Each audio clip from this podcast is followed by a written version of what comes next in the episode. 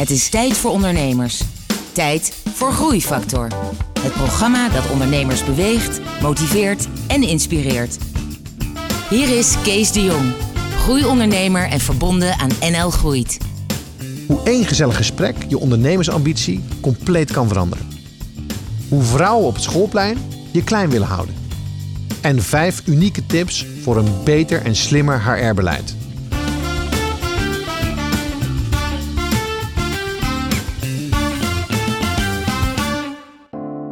Hallo en welkom bij een nieuwe aflevering van Groeifactor. Het programma dat ondernemers beweegt, motiveert en inspireert. Met een openhartig gesprek met een inspirerende ondernemer. En vandaag is dat Wendy van Ierschot van Van Ierschot BV. Welkom Wendy. Dankjewel.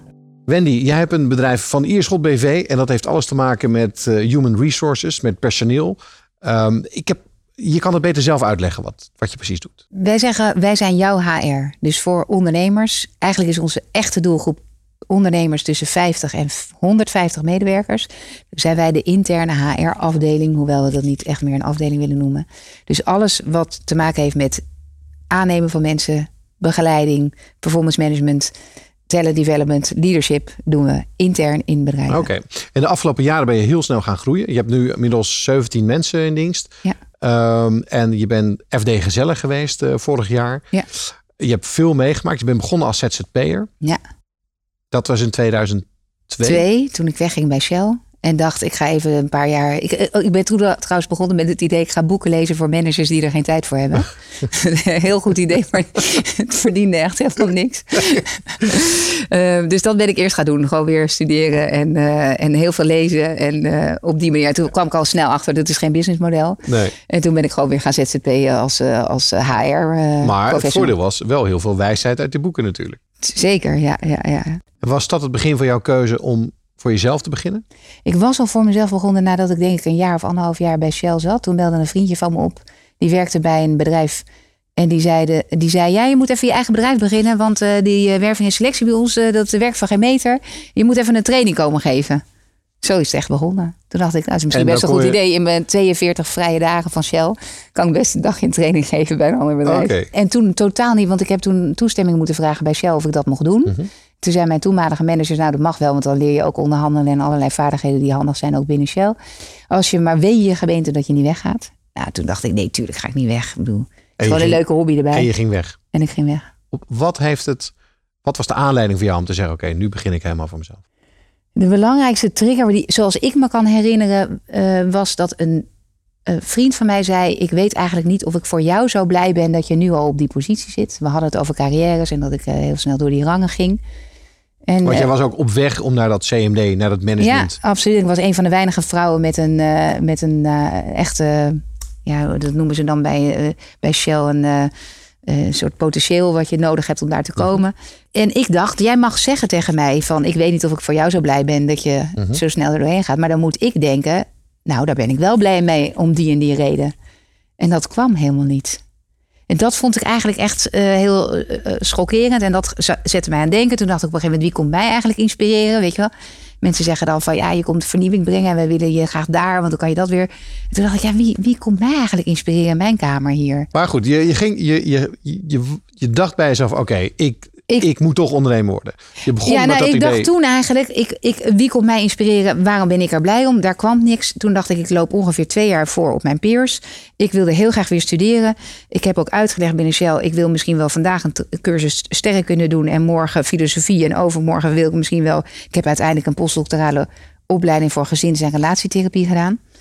Um, ook heel uh, toepassend. Nee, voor mezelf oh, heb ik gewoon okay. zelf gedaan. Um, maar ik wilde daarin kunnen switchen. En, en daar zit geen lijn in. Er was geen duidelijkheid van, oh, ik wil dit. Of ik, met dit doel ga ik dat doen. Dus ik dacht, ik ga gewoon eruit. Ik ga twee jaar kijken, wat wil ik eigenlijk? Ik ga gewoon lekker een beetje ZZP'en en boeken lezen voor managers die er geen tijd voor hebben. En ik kan altijd weer terug. Want dan solliciteer ik gewoon weer. Dan nemen ze me weer aan. Dan ga ik weer verder op dat pad. Als het een foute beslissing Ja. is. En dat is dus nu wel uh, Die best wel fase veel voorbij, jaar zeg uh, maar. geleden. Ja, 15 jaar. Ja. Maar na dat boeken lezen, ja. en toen kwam het inzicht van... hé, hey, ik, heb een, ik wil iets met personeel gaan doen, personeelorganisatie. Ja, dus HR, dat was mijn vak al. Dus het was makkelijk eigenlijk om, eh, om HR-klussen binnen te gaan halen. Overigens helemaal niet makkelijk, want... Ik, ik, kan me nog wel herinneren dat ik dacht: oh, nou moet ik klanten gaan bellen. Hallo, ik ben Wendy, ik heb bij Shell gezeten, ik kan niks, ik heb geen klanten. Uh, mag ik bij jou aan de slag? Vond ik heel moeilijk om te doen. ja, jezus. Toen heb ik op een gegeven moment tegen mezelf gezegd... ik moet iedere dag drie mensen bellen met de vraag... heb je misschien iets voor me? Nou, dat heb ik echt uitgesteld hoor, tot vier uur s middags. En dan dacht ik, ja, ik moet het wel maar voor vijf jaar. Maar jezelf wel die regel opgelegd. Ja. Dat is wel, dat is wel knap. Dat is wel dan de oorsprong geweest van jouw succes. Want anders had je überhaupt niet... Uh... Nee, ik ben niet begonnen met het idee, ik wil uitbreiden. Ik, ik had een idee over dat ik denk dat het uitbesteden van HR een goed idee is voor het groot MKB. Omdat je je niet echt hele strategische HR-mensen kan veroorloven, die ook niet de hele dag nodig hebt, maar wel eigenlijk een sparringpartner als, onderneming als ondernemer nodig hebt op HR-gebied om je bedrijf goed te laten groeien. Dus mijn idee was, je moet eigenlijk iemand hebben die echt jouw sparringpartner is. En iemand die de tactische operationele dingen goed doet. En dat moet als één team functioneren.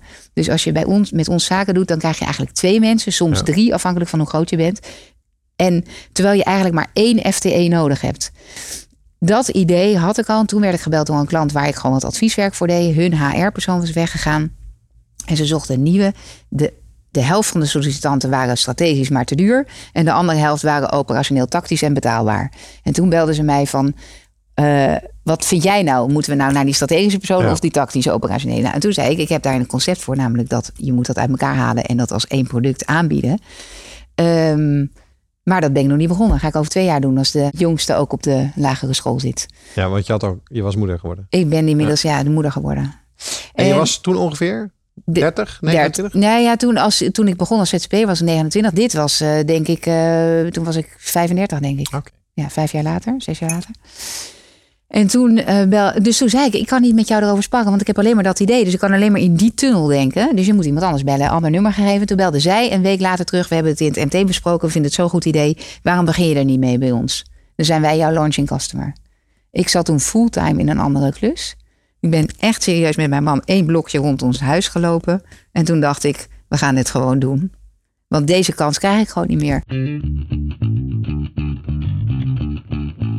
Je was begonnen, want je zag, oké, nu ga ik voor het echt beginnen. Ik ga iemand aannemen. Ja. Uh, ik ga een beetje een bedrijfje bouwen. Ja. Hoe ging dat verder? Nou, ik, ik heb, ja, als ik er nu op terugkijk, vind ik het enorm komisch. Maar goed, ik heb heel erg gedacht, ik ga. Eh, ik, ik dacht de hele tijd met alles Um, ik ga niet uh, targets stellen. Ik ga niet hard groeien. Ik ga niet dit doen. Want dan had ik net zo goed bij Shell kunnen blijven. dus ik heb de hele tijd gedacht, met een heleboel, ik ben niet voor niks weggegaan uit zo'n bedrijfscultuur met targets en, en allerlei uh, stomme beoordelingsprocessen of dingen waarvan ik dacht, allemaal niet inspirerend. dus, dus heel veel van. Maar wat... grappig dat je zegt, ik ga niet hard groeien.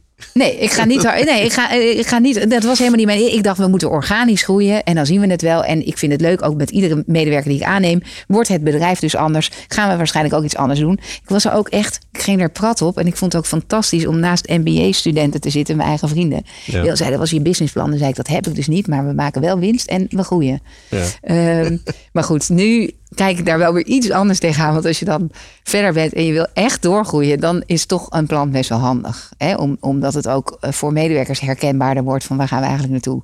Maar goed, voor die eerste vijf, zes mensen eh, was het ook helemaal niet nodig natuurlijk. Dus uh, het heeft me ook heel veel gebracht. Ja.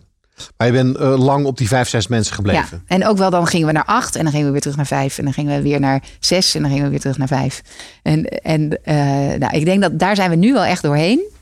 Want wat ze willen zeggen, dat je vanaf een man of acht, of vrouw of acht, of mens of acht, dat je dan als, als ondernemer ook ander gedrag moet gaan vertonen. Dat je de dingen anders moet gaan doen. Ja. En met vijf, zes, zeven maakt het niet voor uit, want je weet toch wat er gaande is. Heb jij dat ook zo ervaren?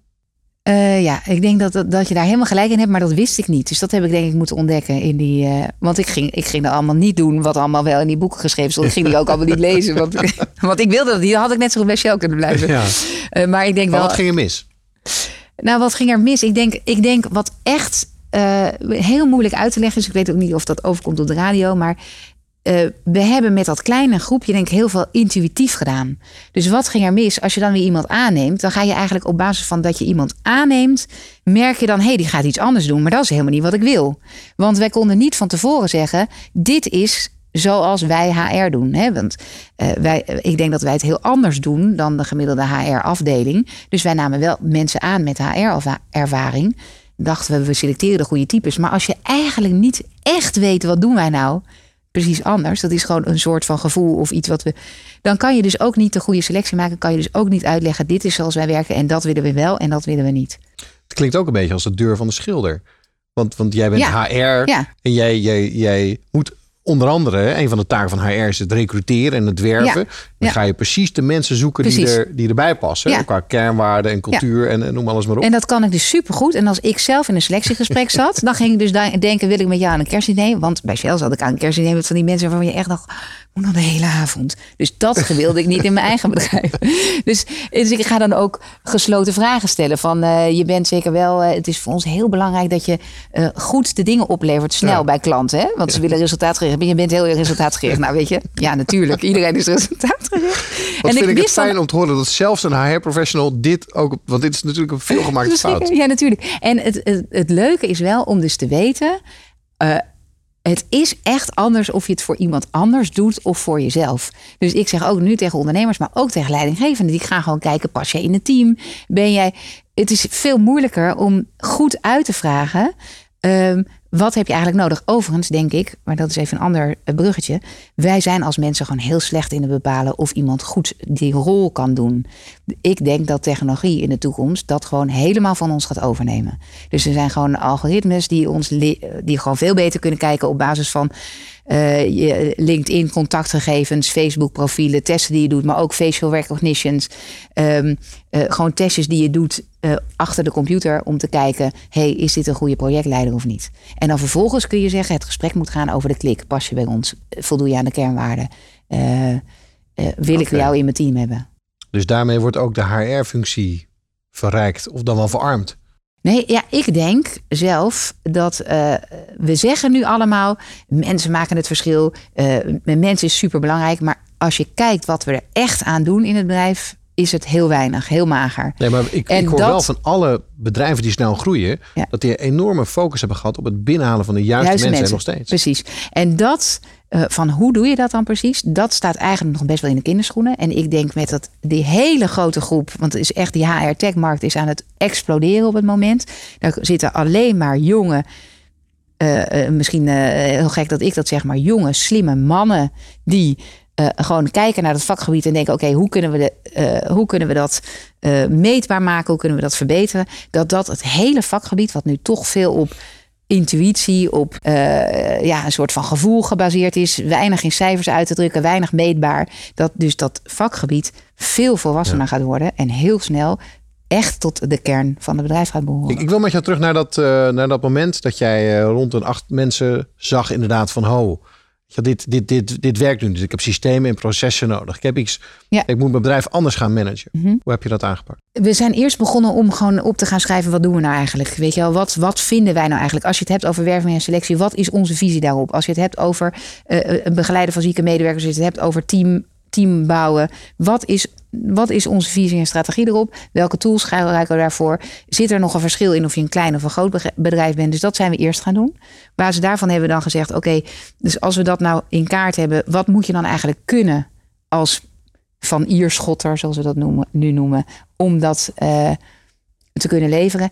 En daarna zijn we gaan kijken wat voor een opleidingsprogramma moeten we dan binnen hebben om mensen dat aan te leren. Dus we denken systemisch bijvoorbeeld, nou oké, welke, welke training kunnen we daar dan op geven? Of hoe laten we dat terugkomen in onze teammeetings? Of hoe laten we dat... Het klinkt als een grote overgang naar een soort uh, situatie waarbij alles op intuïtie ja. ging naar een soort systematische aanpak. Naar een soort uh, de militaristische tjak, tjak, tjak. Zo moet het in, in die vakjes. En ja, precies. En dan proberen we nog wel een beetje vrij. Want mensen denken natuurlijk ook waar, waar blijven. Ja, precies. En ook voor medewerkers die denken dan ineens: ja, wacht even, ga je me nu in een hok stoppen? Moet ik nu ineens volgens een methode doen? Voordat we gaan praten over die groeifase die je hebt uh, doorgemaakt daarna, mhm. waardoor je ook FD gezellen bent geworden. Ja. Um, heb je ook nog tegenslagen gehad? Uh, ja, want in die fase voordat ik dat FD Gezellen heb ik een medewerker gehad die bij een uh, klant zat, een grote klant, 30% van onze omzet. Ik, ik vertrouwde heel erg op die omzet. Dat ging, liep ook iedere keer. Ze zat al drie jaar eigenlijk bij die klant, steeds in andere klussen. En op een gegeven moment uh, ja, heb ik zelf haar ook zoveel vertrouwd in het contact met die klant. dat ik zelf niet meer al een jaar bij die klant was geweest. En uh, ja, op een gegeven moment had zij met die klant afgesproken: van ik kan het ook wel als ik zelf voor mezelf begin ja. Uh, voor jou werken. En ik had weliswaar een concurrentiebeding erin zitten. Maar op een gegeven moment dacht ik, ja, de situatie was zo dat zij met die klant had afgesproken, ik ga dat voor mezelf doen. Met mij wilden ze afspreken, ik ga als ZZP'er beginnen. En ik dacht, ja, ik kan dat nu verbieden. Maar dan raak ik die klant. Ik heb al zo lang niet contact met die klant. Dat het. En zij zit zo in dat project. Als ik nu zeg, het is niet goed, dan raak ik die klant kwijt. En haar. Ik bedoel, zij heeft dan ook die klant. Dus dan is het een, ik kan alleen maar een lose-lose ervan maken. Of het wordt een win-lose. Ja. Voor beide, voor mij is het hetzelfde. Maar 30% van mijn omzet, jongens, was ik kwijt gewoon daarmee. En je was eigenlijk een beetje verraden. Het voelde zo, ja. ja. Ik weet zeker dat zij dat niet zo heeft ervaren. Maar uh, de reactie uit mijn omgeving was wel van... jeetje Mina, hoe, hoe eh, is, dat, dat kan toch niet, weet je wel? En ik heb alles toen overwogen en ook bedacht van mezelf... het was zo'n van ik kan beter mezelf richten op hoe ga ik dit oplossen... dan veel energie stoppen in dit ja. recht breien. Want ik zag niet hoe ik daar nog een win-win uit zou kunnen halen. Voelde je ook niet een heel klein beetje schuldig naar die klant? Dat je Zeker. die klant zelf al... Want dat is nou, alles niet waar schuldig je... naar de klant, want de opdracht liep goed. Maar wel uh, dat ik... Ik vond mezelf gewoon enorm naïef. Ja. Ook dat ik dacht... Nee, maar een klant die een derde van je omzet is... dat je die een jaar niet ziet. Ja. Ja, dat is misschien, uh, dat zou me nu niet zo overkomen. Aan de andere kant kijk ik de hele tijd naar wat vraagt die klant. En als ik uh, als ik het idee had dat ik iets had kunnen toevoegen aan die opdracht door langs te gaan. Maar vaak, soms dan kom je dan langs om koffie te drinken, om contact te houden. Ja, wat heb je daaraan? Dat weet je als nou, ondernemer ook. Nu, nu, weet je dat inmiddels. Ja, nu weet ik dat, ja. ja. ja. en nu weet ik ook van dat het toch belangrijk is om dat contact gewoon goed te laten, ja. te laten verlopen, ja. En ook om weer meer businessen soms uit te kunnen halen. Of, heb je nog andere tegenslagen gehad? Ja, maar dat is vrij recent. Dat ik, uh, ik werd op een gegeven moment op een ochtend wakker. Na een groot event wat we hebben gedaan, wat heel uh, succesvol was op HR tech gebied. Toen werd ik wakker, toen zag ik met één oog een soort schimmer in mijn beeld. Toen dacht ik, oh dat is gek. Uh, en toen zeiden mensen tegen mij, oh ja, maar je bent zo druk en zo hard aan het werk. En dat is vast, nou ja, niet burn-out, maar dat is een soort oogmigraine kan je dan wel hebben. Dat je, ja, ik had er nog nooit van gehoord, maar oogmigraine. En dan heb je geen hoofdpijn, maar wel het aan je ogen. Toen dacht ik, nou, het zal vast wel zijn. Achteraf heel stom. Want uh, ik kan heel goed tegen druk en heel hard werken. Dus waarom ik dan ineens geloof dat anderen tegen jou gaan zeggen... hé, hey, misschien werk je wel te hard. Maar goed. Ja. Dus ik heb daarmee rondgelopen. En uh, toen dacht ik na drie dagen... god, het wordt een beetje erger en het gaat ook niet over. Ik moet misschien even naar de huisarts. Ik dacht eigenlijk, ik heb vast een virus op mijn in mijn oogvocht of zo. Moet misschien een beetje antibiotica in. Achteraf bleek het een netvliesloslatting te zijn, waar je binnen 24 uur geopereerd moet worden. Um, en, uh, en eer ik tien dagen later bij de huisarts zat, omdat ik ook nog dacht, zei de huisarts, je kan morgen wel komen. Toen had ik een grote acquisitie. Dacht, ja, morgen kan niet. Doe maar overmorgen. Doe maar overmorgen. Ja, toen kon hij niet. Toen werd het dus maandag. Toen heb ik nog wel op vrijdag gebeld van ja, ik zit me toch niet lekker, moet eigenlijk komen. Maar goed, toen heeft hij gezegd, heb je dit gezien, heb je dat? Een aantal symptomen heb ik niet gehad. Maar je, je kijkt nu goed. Is, is ja, ik heb dus eh, één oog, zie ik nog maar 15% nu mee. Ah, Oké. En dat is wel uh, best wel een ding. Want ik kan dus bijvoorbeeld mijn e-mail uh, niet zo goed meer bijhouden met ik bedoel, ik kan het wel lezen als ik één stuk concentreer, maar ik kan bijvoorbeeld niet meer s'avonds werken. Ik werkte heel veel s'avonds van acht tot uh, twee. Dan werkte ik eigenlijk mijn achterstanden weg. Ja, dat gaat gewoon echt niet meer. Wow. Um, dus het heeft al impact gehad op je functioneren en op je bedrijf. Ja. ja. Waar ik wel achter ben gekomen is dat je karakter eigenlijk dan enorm belangrijk is. Want ik ben dus echt... Ik heb natuurlijk enorm gehuild even die dag dat ik dat hoorde. Van oké, dat gaat dus nooit meer goed komen maar de volgende dag al dacht ik: oké, maar dit gaat mij dus niet. Uh, ik kan hier gewoon mee leven. En ik heb nu een PA die mijn, die ja. mijn mail doet. En, uh, Kijk, en, en, en dat was het moment dat je echt dacht: ja, nu ben ik echt ondernemer. Nu ben ik echt ondernemer. ja. En ook zelfs in, toen ik moest liggen met mijn ogen. Een week lang moest ik dus met mijn oog op één, moest ik op één zij liggen. Omdat er ja. gas in mijn ogen zat. Wat dat, wat dat netvlies dicht moest maken. Dan zit ik gewoon nieuwe plannen te bedenken. Weet er ook niet wijs, hè? Nee. Ja. Groeifactor is een initiatief van MKB Brandstof. Ga naar mkbbrandstof.nl voor nog meer openhartige verhalen van inspirerende ondernemers. Groeifactor inspireert ondernemers. Wendy, sinds een paar jaar ben je hard gaan groeien. Ja. Wat heeft er nou voor gezorgd dat je opeens die groei wist te pakken? ik denk dat ik altijd wel dacht van ik, hier zit potentie in en uh, dit is een goed idee. En, en dus dat idee had van ik ga organisch groeien. Um, toen werd ik op een gegeven moment door iemand genomineerd voor Enterprising Women of the Year Award in Amerika. Het is ontzettend grappig, want het voelt een beetje als de postcode loterij dat je de Enterprising Women of the Year Award in, in Amerika. Ik heb, wij doen best wel wat internationale dingen, maar helemaal niet zo dat ik nou groot in Amerika ben of heel veel internationale dingen doe. Maar goed, ik werd genomineerd door iemand die ik heel erg respecteer. Dus dan ga je meedoen aan zo'n wedstrijd. Waarvan ik natuurlijk dacht, nou die ga ik nooit winnen. Maar goed. Ehm, ik had gekeken naar de criteria op basis waarvan ze dan uh, gingen selecteren. Dus ik dacht wel, ik vul het formulier een beetje zo in dat ik ook wel dat ze die tick the box voor die criteria kunnen doen. Mhm. Dus ik had daar goede voorbeelden voor gegeven, denk ik. Ik kwam er daar ook achter, was zo leuk, want ik moest een omzet in dollars opgeven. Ik zat nog net onder het miljoen in euro's. En toen dacht ik, oh, maar in dollars zit ik net boven een miljoen. Dat was een heel leuk moment. Dat je dan uh, denkt, oh, dan moet ik in een andere categorie mezelf opgeven. En, um, en eh, toen won ik. Er, er, waren meerdere vrouwen per categorie. Dus ze hadden tot een miljoen, tussen 1 en 2 miljoen, tot tussen, uh, nou ja, tussen 2 en 5 miljoen. En, en dan kwam je met die vrouwen bij elkaar. Er waren denk ik een, een stuk of twintig die dan die award dat jaar wonnen. Mhm. En daar hadden ze twee dagen workshops mee. Allemaal op, gebaseerd op groei. En daardoor zat ik dus naast een vrouw op een gegeven moment aan het diner. Die, ik geloof, 70 miljoen omzet draaide per jaar. En we hadden een heel leuk gesprek. En die zei: Oh, this is a, this is a fantastic business and a good business model. Are you already doing something in the, in the States? En bla bla. En ik zat met haar te praten. En ik dacht: Nou, als jij kan, dat kan ik ook. Dat heeft dus echt wel de switch gemaakt. En ook, ze benadrukte daar heel erg hoe belangrijk het is dat vrouwen grote bedrijven neerzetten dat heeft ook wel iets met mij gedaan. Ook dat boek van Sheryl Sandberg met Lean In. Ik weet niet of je dat kent. Ja, ja de CEO van uh, Facebook. Van Facebook. Zij heeft ook gezegd Lean In. Hè, dus blijf doorgaan. Wij, uh, ik had ook zoiets van, ja, ik hoef helemaal niet, ik hoef voor mezelf helemaal niet groot te worden of zo. Nu denk ik, het is gewoon heel belangrijk dat er ook een paar vrouwen zijn die gewoon denken, ik heb een goede business. Ik ga dat gewoon groot maken. Uh, maar wat een belangrijk moment. Heel belangrijk, ja. ja. Ja, ook mijn man trouwens, die zei ook van, het is, het is grappig, want ze, ze haalde ook heel veel dingen aan waarin, zeg maar, je klein denkt als vrouw of zo. Hè? Of dat je op het schoolplein, dat is in Nederland natuurlijk zo. Hè? Er zijn toch vrouwen die ook tegen mij zeggen, oh, hoe doe je dat dan met je kinderen? En vind je het dan niet vervelend dat je je kinderen zo weinig ziet? Alleen die vraag, ja. weet je wel? Want het vraag, is maar de vraag of ik mijn kinderen weinig ziet.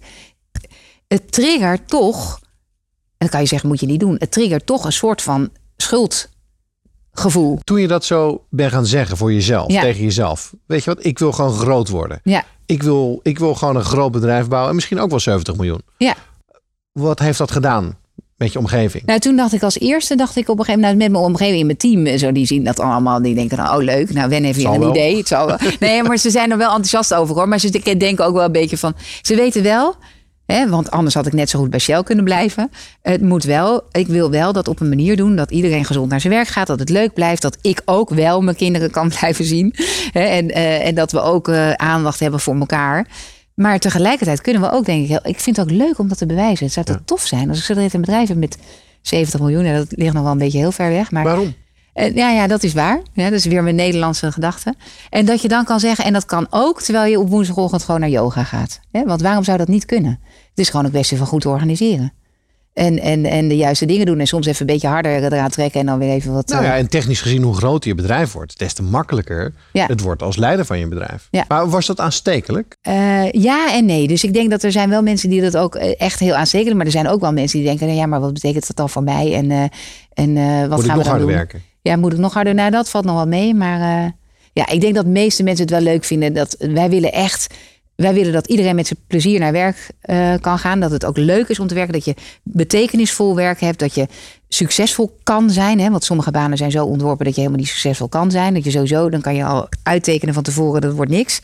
Um, en dat er resultaten worden gehaald. Want dat is belangrijk, namelijk om gelukkig te zijn. Hè? Je moet, als, als het nergens toe leidt, dan, dan, dan, dan houdt het ook op. Misschien is die combinatie ook wel samen met jouw ambitie om het groter nu te willen doen, de oorzaak van dat succes. Ja, dat denk ik. Dus juist proberen die, die combinatie te vinden. En wat ik nu probeer te doen, is dus een, een, een omgeving zoeken voor mezelf, waarin ik weer met ondernemers zit, net zoals jij, die dan zegt 70 miljoen. Als ik dan, dan zeg die 70 miljoen, denk ik, oh ja, nee, maar dat is echt een beetje overdreven, weet je wel. En uh, ze zullen me horen zo dat op de radio, weet je wel, uh, zijn met er 70 miljoen. En dan zeg jij, nou waarom niet? dat, dat heb ik ook nodig. Overigens heeft mij ook geholpen. Ja. wat, wat mij ook helpt, is dat ik investeerder ben geworden. Eigenlijk een beetje per ongeluk ben ik begonnen. Want uh, een goed doel, uh, tenminste twee meiden die een fantastisch kledingmerk hebben. Even reclame maken, Studio mm die, wat helemaal verantwoord is en ook nog eruit ziet. Dus niet dat je er ook nog eens niet, niet uitziet in die kleding.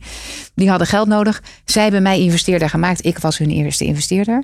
Daarna ben ik meerdere investeringen gaan doen. Dat heeft mij geholpen om ook anders naar mijn eigen bedrijf te kijken.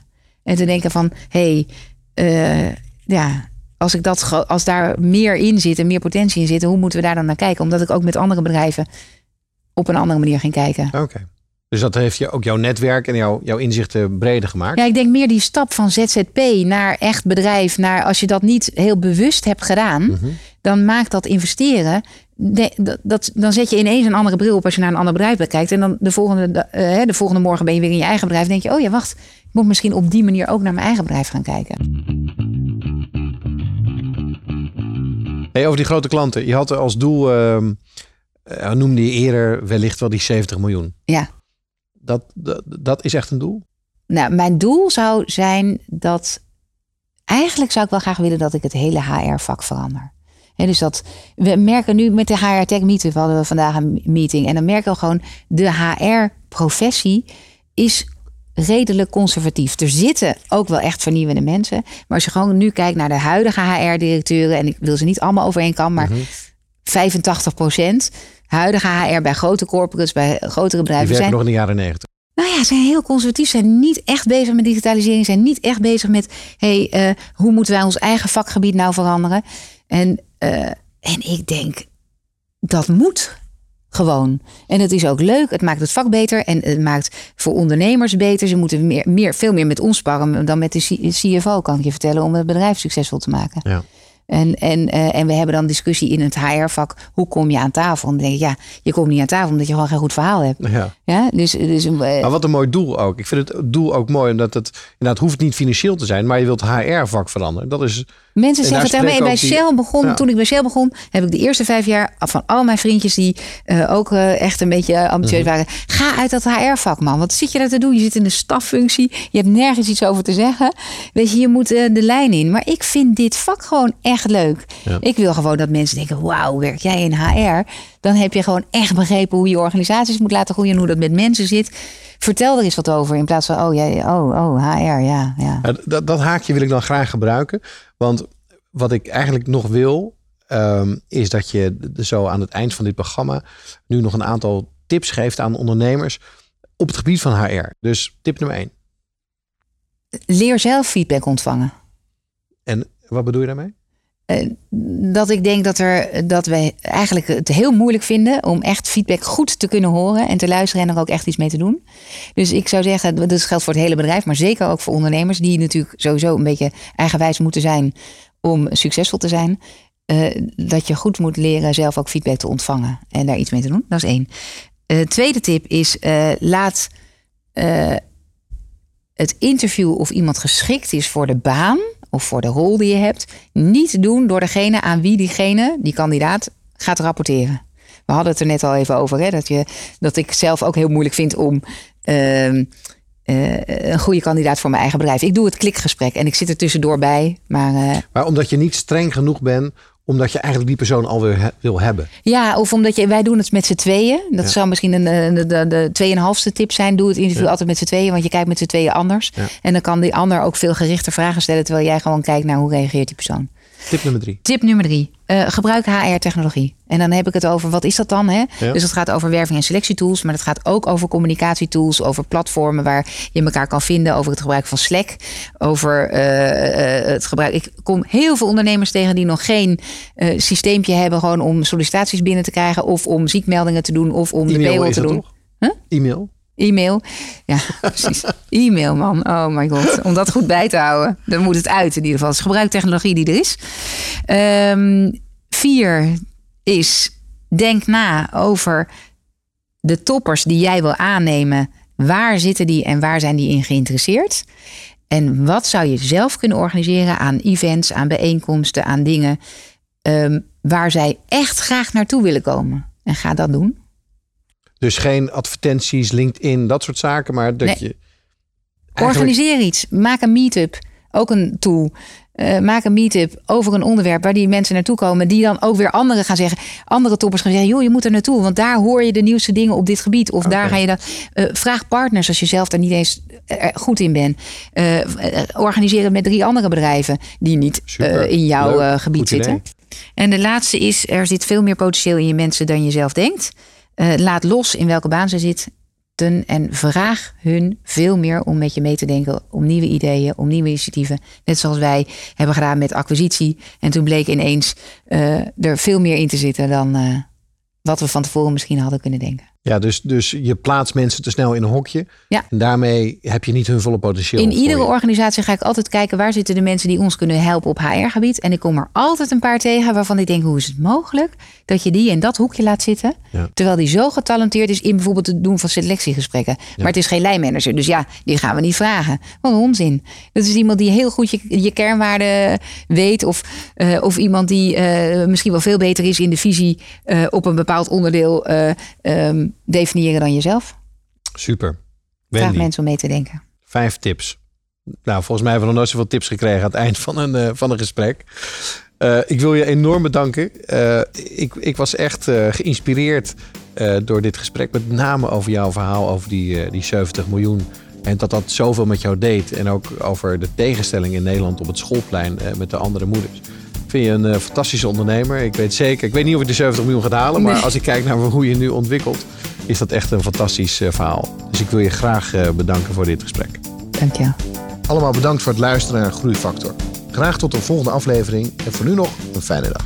Ga naar mkbbrandstof.nl voor nog meer inspirerende verhalen van mede-ondernemers. Groeifactor beweegt ondernemers.